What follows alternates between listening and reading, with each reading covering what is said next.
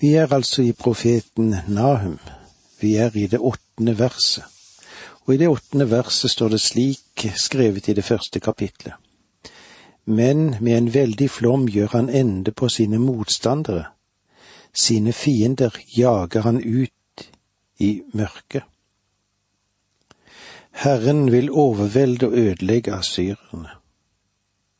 Men med en veldig flom det er et bilde av en elv som går over sine bredder, det, og det fører til ødeleggelser der bølgene velter frem.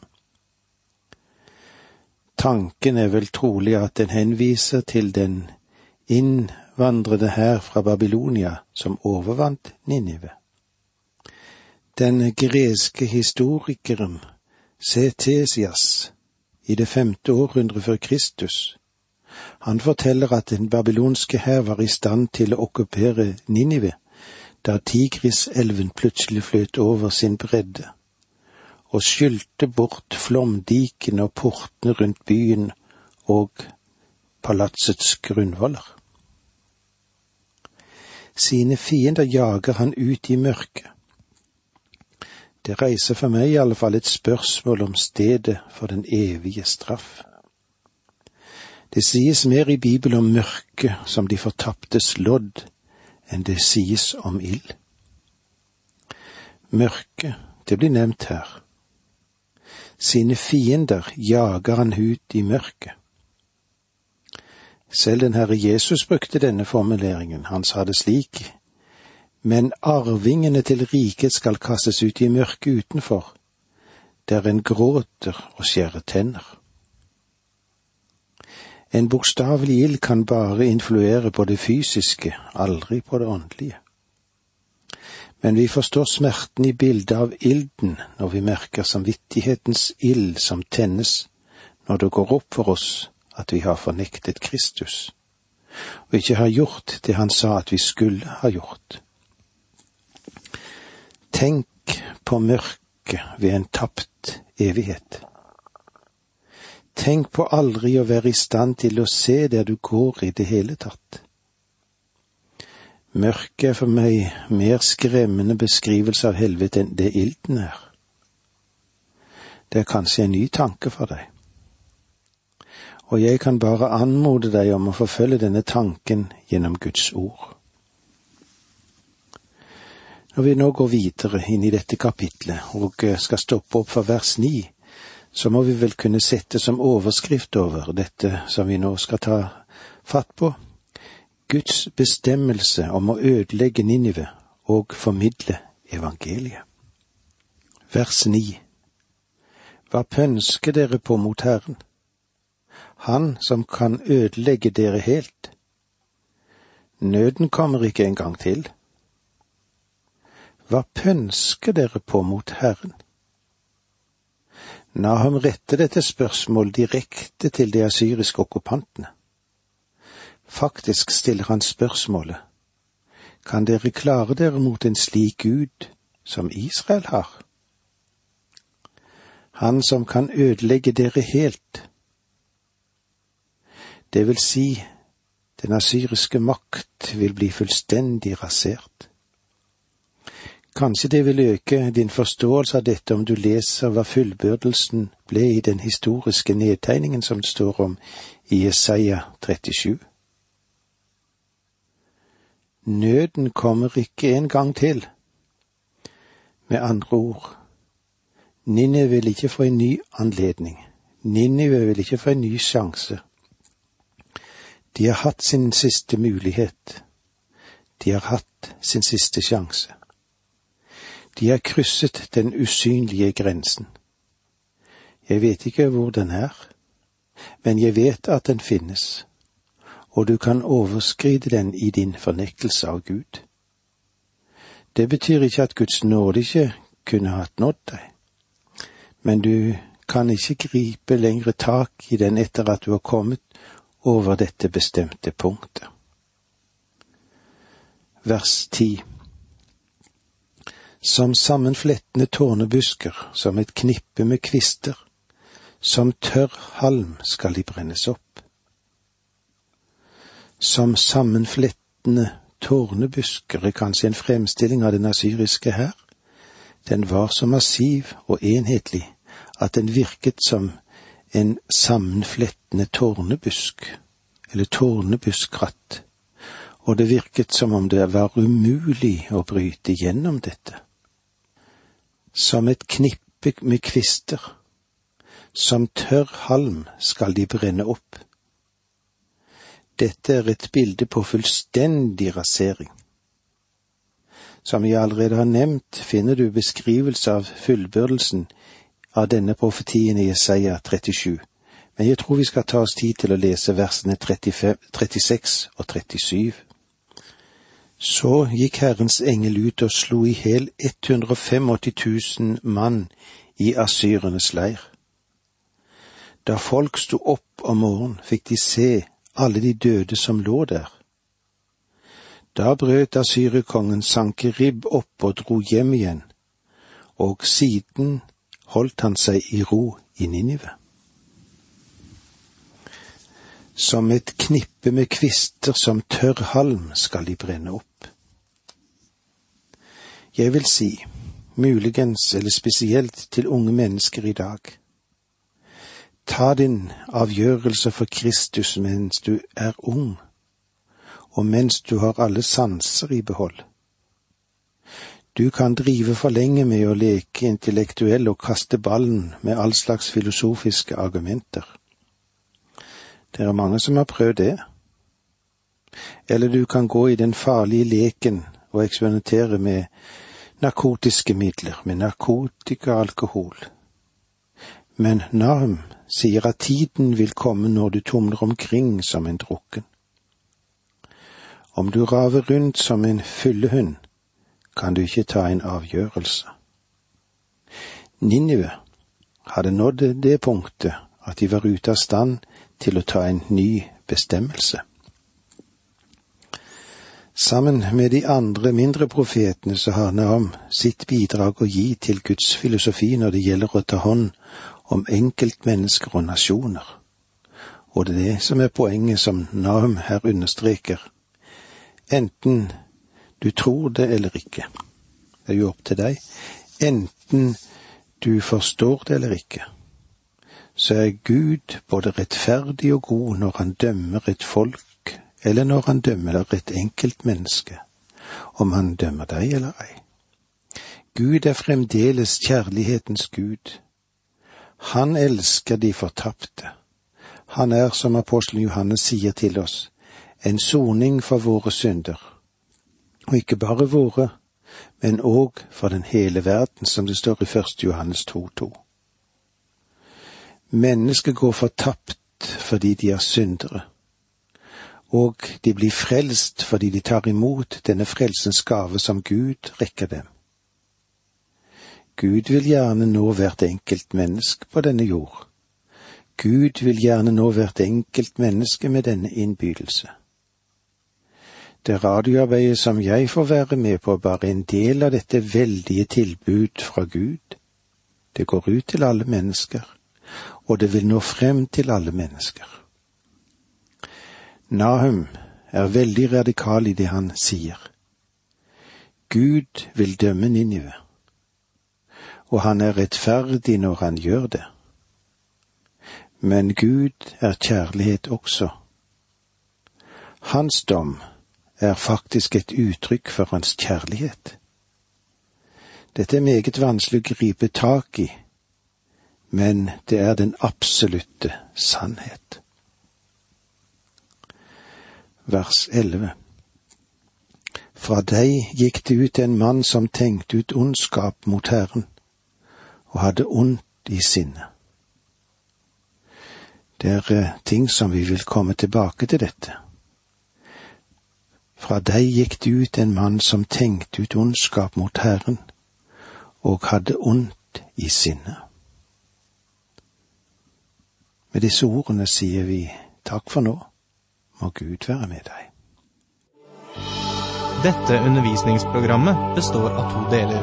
Åge Nevland fortsetter nå med andre del av dagens undervisning. Vi er i profeten Nahum. Denne profeten som fikk i oppgave å profetere over hva som ville skje med Ninive, at den ville bli totalt ødelagt. Men vi får òg lov til å oppleve gjennom denne profeten at Gud har et mektig budskap å gi. Gud er røm, og Gud er kjærlig. Men midt oppi dette må vi òg se at han setter strek et sted. Og det er viktig å ha for oss, klart for oss, hvordan dette kan utarte seg. I det første kapitlet vers elleve leser vi slik. Fra deg gikk det ut en mann som tenkte ut ondskap mot Herren og hadde ondt i sinnet. Nam sier nå at mot Juda er det satt opp en fiende.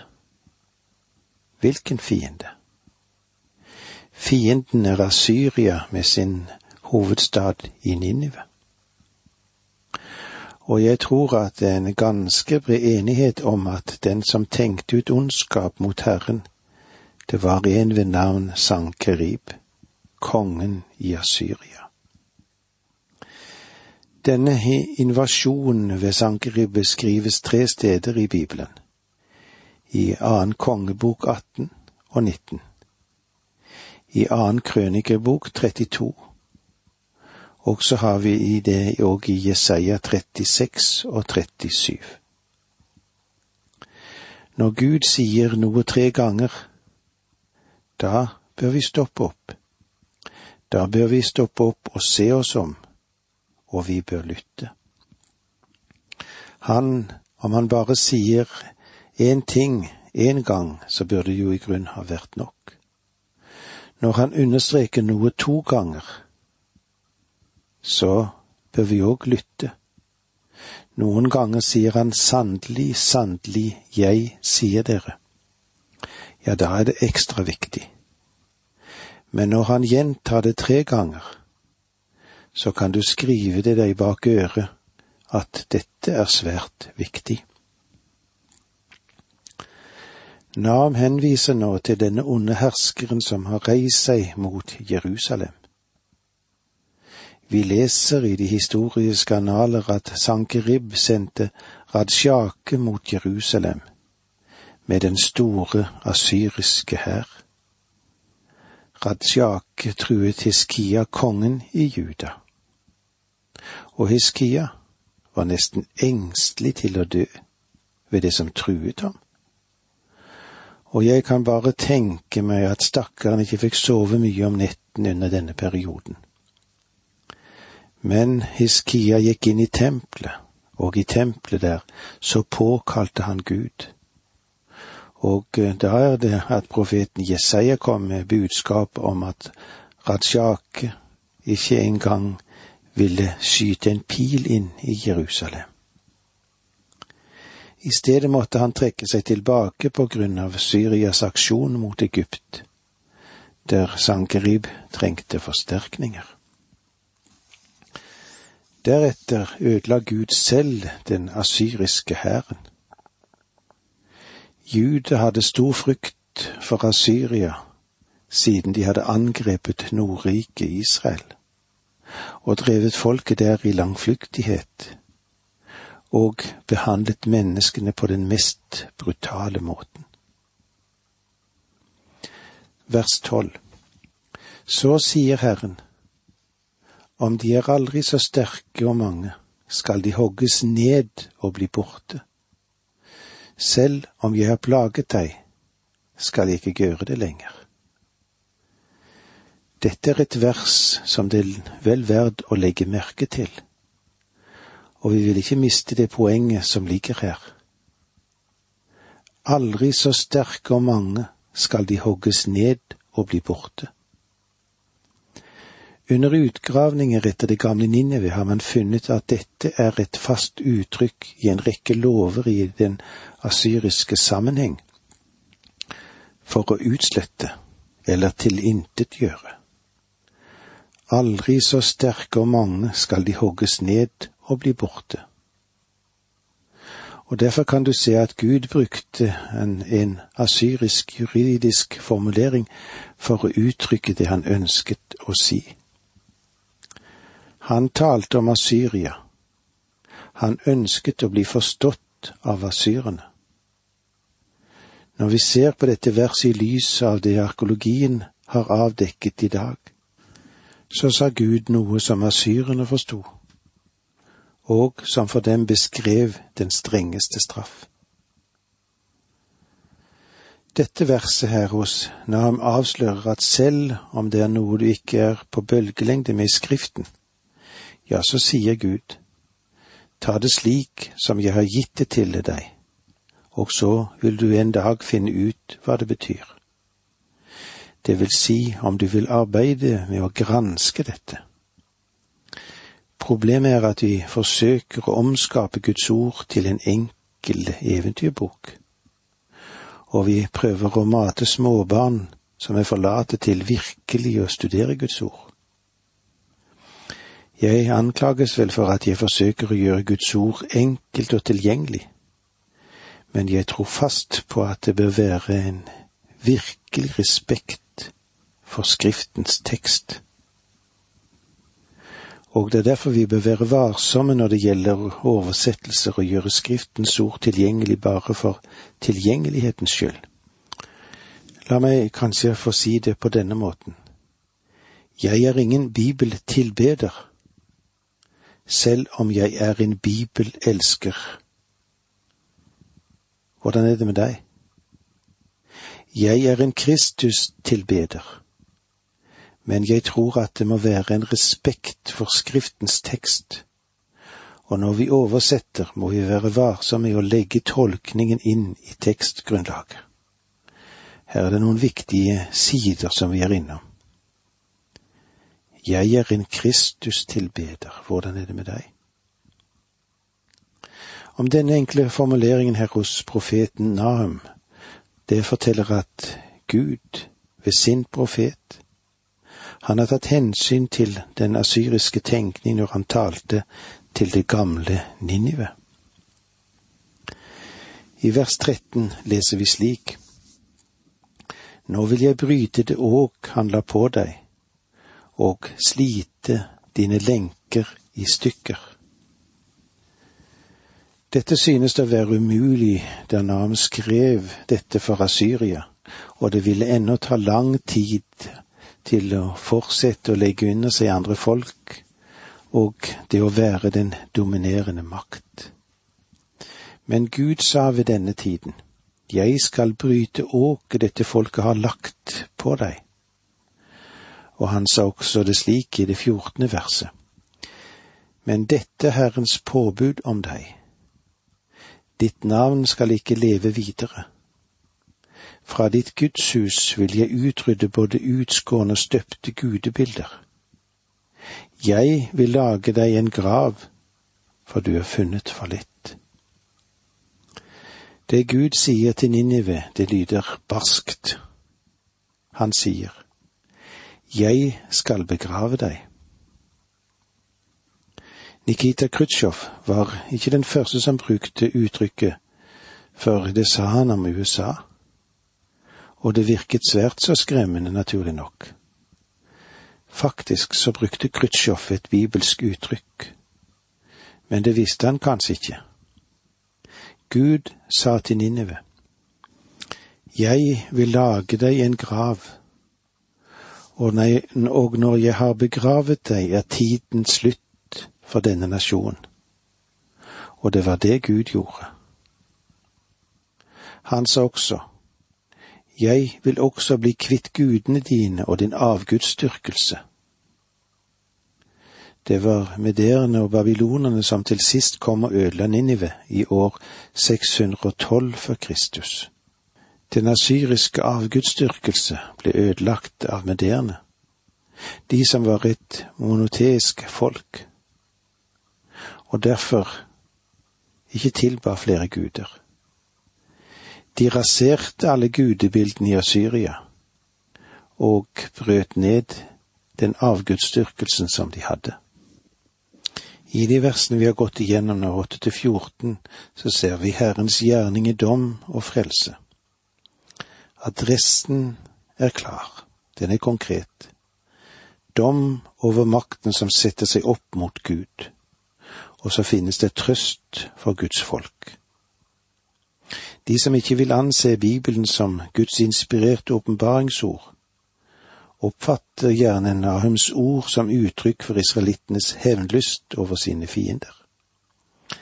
Men sammenhengen, den viser at det er Guds dom over synd og den som lever i synd, som det taler om her. For Guds ord det er ikke noe abstrakte, men et budskap som har en konkret adresse. Noe som gjerne vil nå frem til deg.